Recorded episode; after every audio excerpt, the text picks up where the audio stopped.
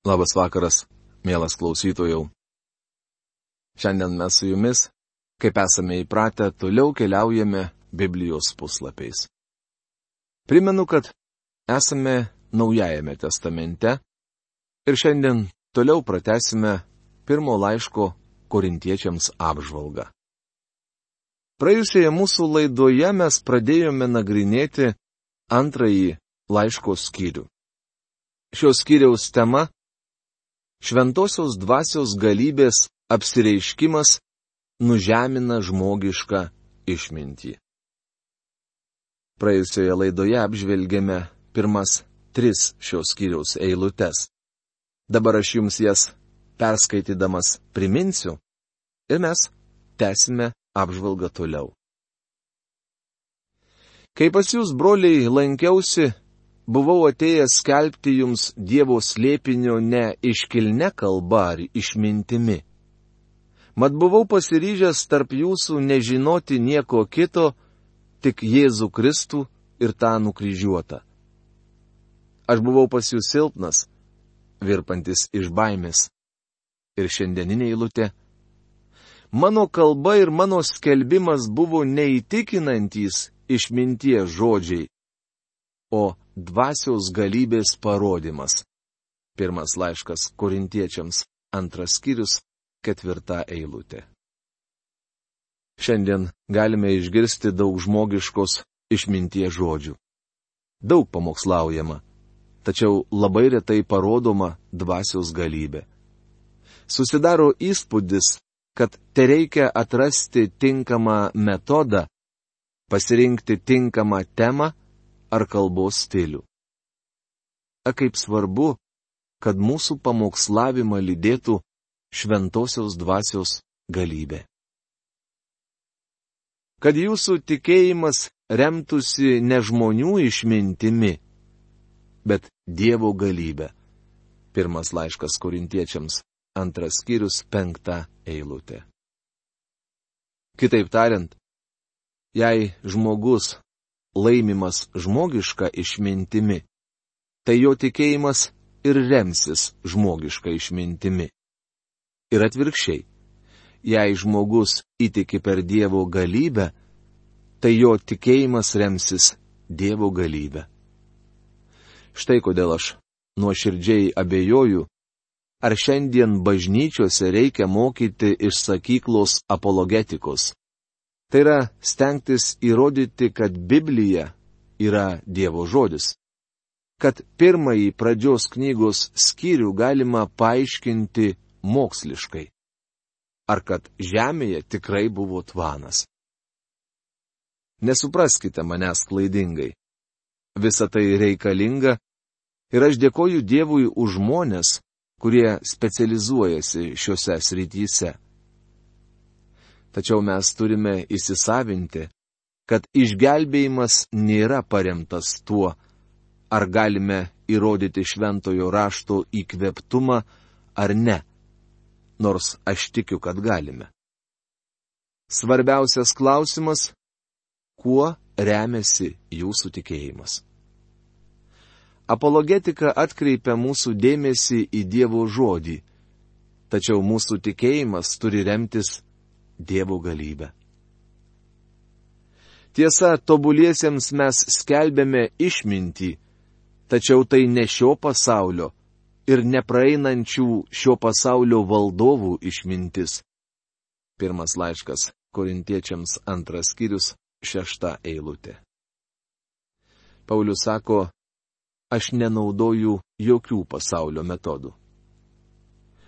Mes skelbėme slėpiningą ir paslėptą Dievo išmintį, kurią Dievas yra nuo amžių paskyręs mums išaukštinti. Pirmas laiškas korintiečiams, antras skyrius, septinta eilutė. Čia vėl pavartotas žodis slėpinys. Numeskime nuo šio žodžio paslaptie šydą. Jis nereiškia to, ką mes paprastai siejame su mislės savoka arba su slapta informacija apie kokį nors įvykį ar asmenį. Šventajame rašte vartojama žodis slėpinys reiškia kažką, kas nebuvo žinoma praeitįje, tačiau dabar atskleista. Naujajame testamente šis žodis sutinkamas maždaug 27 kartus. Jį pavartojo ir mūsų viešpats sakydamas, jums duota pažinti dangaus karalystės lėpinius, rašoma mato Evangelijos 13 skyriaus 11 eilutėje. Toliau mato Evangelijos 13 skyriuje skaitome slėpiningus palyginimus. Kodėl jie vadinami slėpiningais?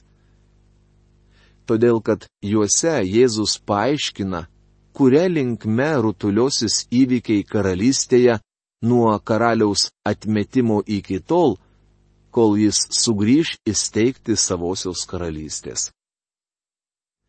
Iš tikrųjų šis istorinis protarpis visai nebuvo aprašytas Senajame testamente. Dievas nebuvo atskleidęs to žmonijai. Palyginimais, užrašytais Evangelijos pagal Mata 13 skyriuje, Jėzus pirmą kartą atskleidė tai, kas iki to laiko buvo paslėpta.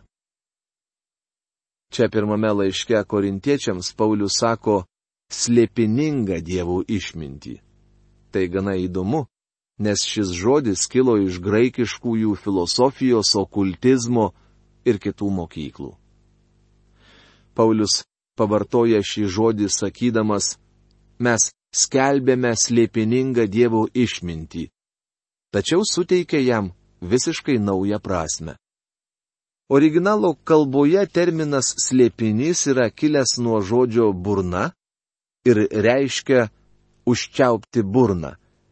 Tai kažkas slapto. Tačiau Paulius niekuomet nevartojo šio žodžio tokia prasme. Atvirkščiai, tai, apie ką anksčiau nebuvo kalbama, dabar pagarsinta. Ko žmonės nežinojo ir negalėjo sužinoti tyrinėdami, dabar žinoma. Slėpinys Naujajame testamente visuomet reiškia kažką neatskleidžiama žmogaus protu, kas buvo atskleista tam, kad žmogaus protas galėtų tai suprasti mes skelbėme Dievo išmintį. Paulius sako, mes turime filosofiją. Ji ne šio amžiaus, ne iš šio pasaulio, tai Dievo išmintis, susijusi su Kristaus kryžiumi. Mes skelbėme slėpiningą ir paslėptą Dievo išmintį, kurią Dievas yra nuo amžių paskyręs mums išaukštinti. Jos nepažino jokie šio pasaulio valdovai, nes jei būtų pažinę, nebūtų šlovės viešpaties nukryžiavę. Rašoma pirmame laiške korintiečiams antrame skyriuje, aštuntoje eilutėje. Matote, jie nebuvo pažinę Dievo išminties. Bet skelbėme, kaip parašyta, ko akis neregėjo, ko ausis negirdėjo. Kas žmogui į mintį neatėjo, tai paruošė Dievas tiems, kurie jį myli. Pirmas laiškas korintiečiams, antras skyrius, devinta eilutė. Ši eilutė dažnai suprantama klaidingai. Nesikį girdėjau ją skambant laidotuvėse, nors ten jai visai ne vieta.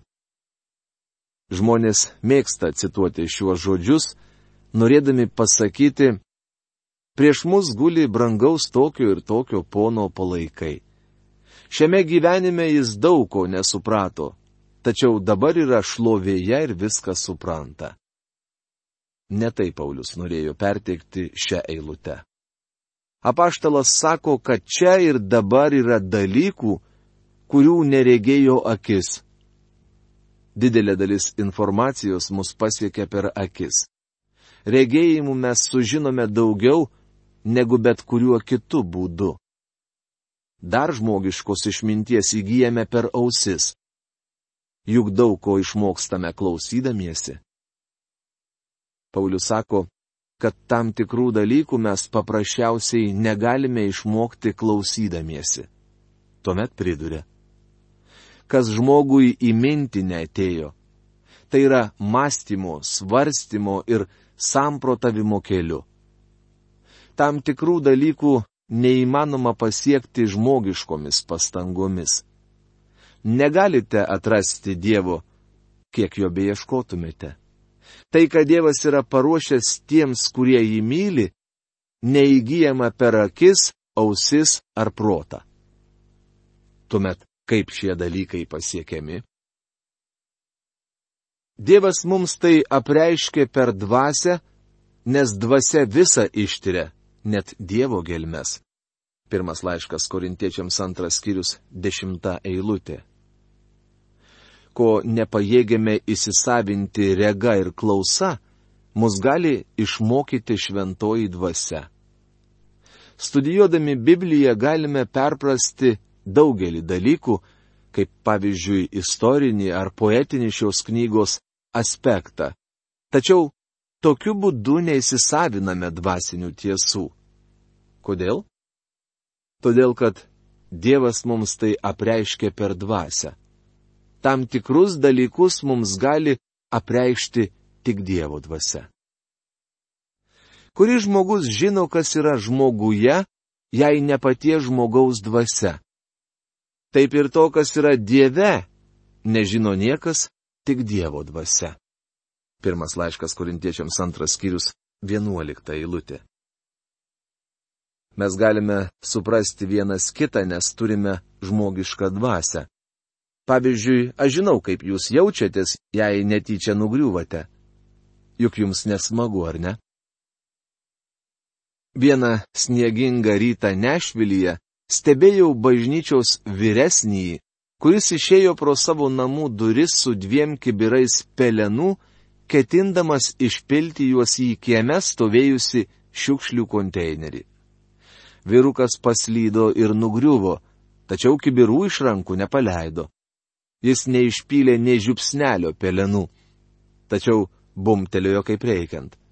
Atsikėlęs, bažnyčios vyresnysis apsižvalgė, norėdamas įsitikinti, ar niekas jo nematė. Kodėl jis tai padarė? Nes jam buvo nesmagu.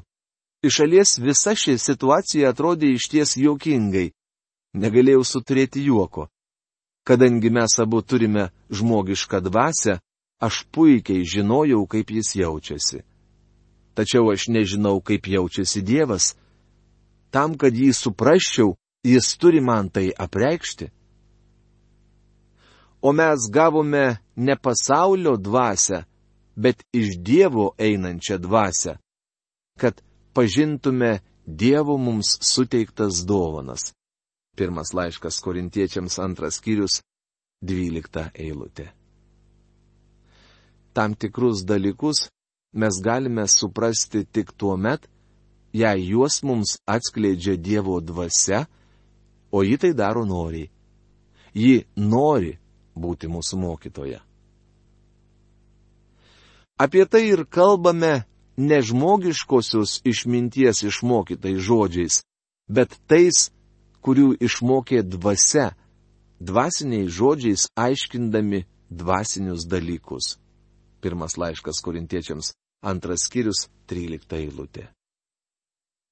Toliau skaitome labai gilų Pauliaus teiginį, vieną iš šventojo rašto aksijomų. Deja, jūslinis žmogus nepriima to, kas ateina iš Dievo dvasios. Jis tai laiko kvailyste ir nepajėgia suprasti, kad apie tuos dalykus reikia spręsti dvasiškai. Pirmas laiškas korintiečiams antras skyrius, keturiolikta eilutė. Jūslinis žmogus negali priimti to, kas ateina iš Dievo. Kodėl? Todėl, kad laiko tai kvailyste. Bičiuli, jei nesate krikščionis, mano kalbos jums atrodo kvailos. Jei netrodo, tuomet arba kažkas negerai su jumis, arba kažkas negerai su manimi, viena iš dviejų. Anot Dievo jūslinis žmogus kvailyste laiko žinę, kad Kristaus kryžius atneša išgelbėjimą. Jam tai paprasčiausiai atrodo nelogiška ir nepajėgia suprasti. Kuomet studijavau koledže, nuoširdžiai tikėjau gali suprasti viską, ką yra parašęs žmogus. Tačiau greitai suvokiau, jog taip nėra. Aš negalėčiau suprasti Dievo žodžio, jei Dievo dvasia netvertų mano širdies ir proto. Dievo žodis suvokiamas dvasiškai. Tik Dievo dvasia gali imti iš to, kas Kristaus, ir paskelbti tai mums.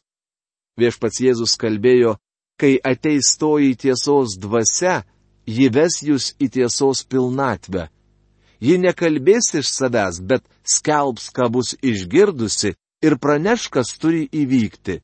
Ji pašlovins mane nesims iš to, kas mano ir jums tai paskelbs.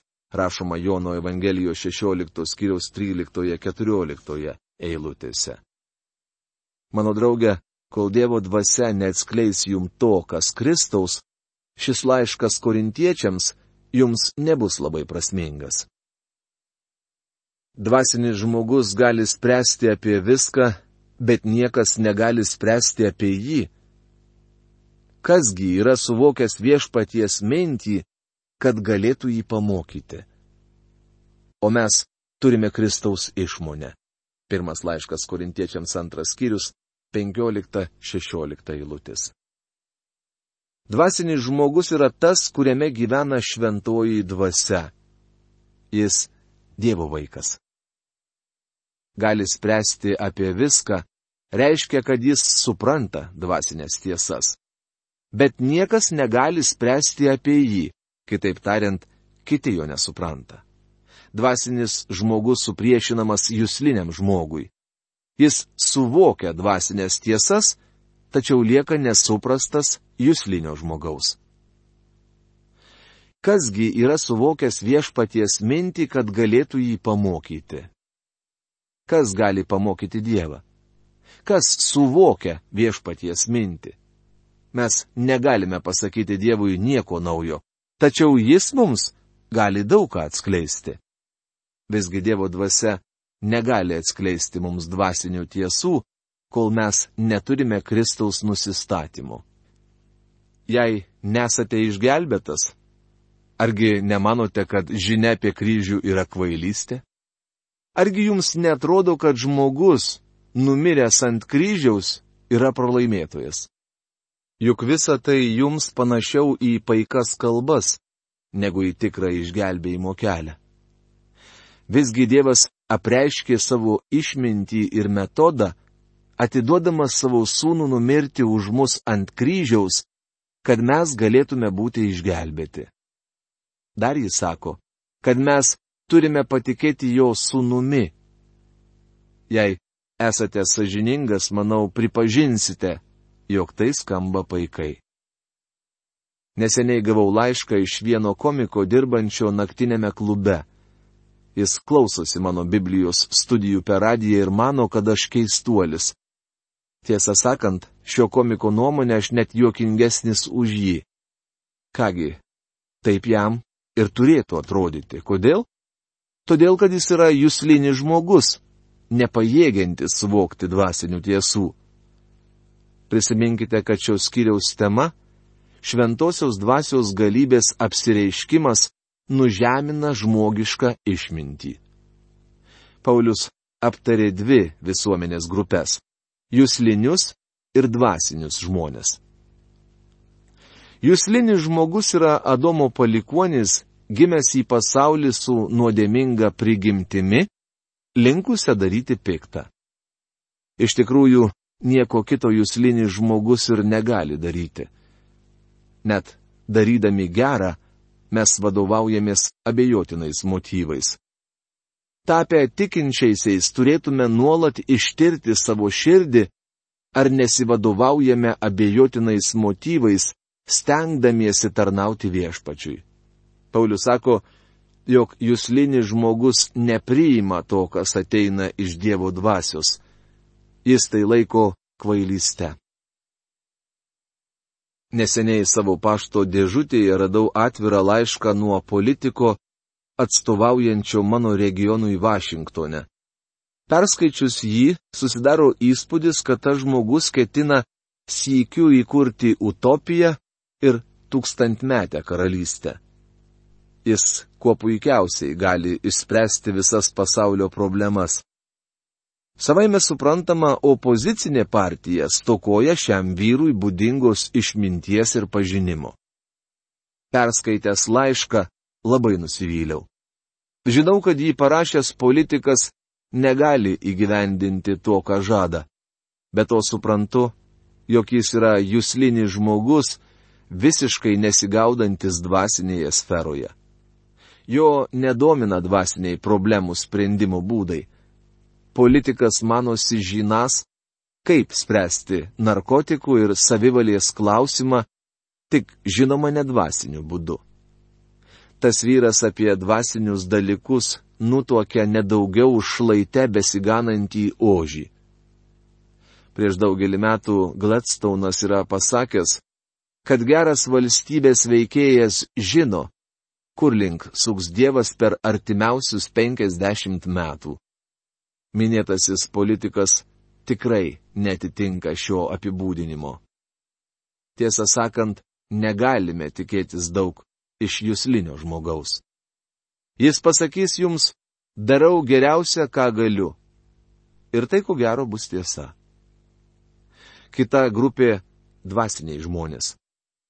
Paulius sako, kad dvasinis žmogus gali spręsti apie viską, tai yra supranta dvasinės tiesas.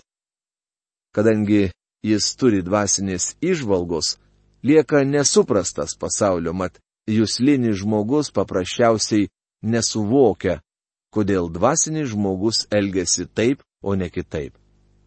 Štai kuo skiriasi dvasinis ir jūslinis žmogus. Pastebėsite, kad vienas yra vienoks, o kitas kitoks dėl santykio su Biblija Dievo žodžiu. Dvasinis žmogus supranta Dievo žodį ir pripažįsta jo svarbą. Mėlyi, mes su jumis apžvilgėme pirmuosius du pirmo laiško korintiečiams skyrius. Kitoje mūsų laidoje keliausime toliau, o šiandien savo laidą baigiame. Iki malonaus sustikimo. Sudė.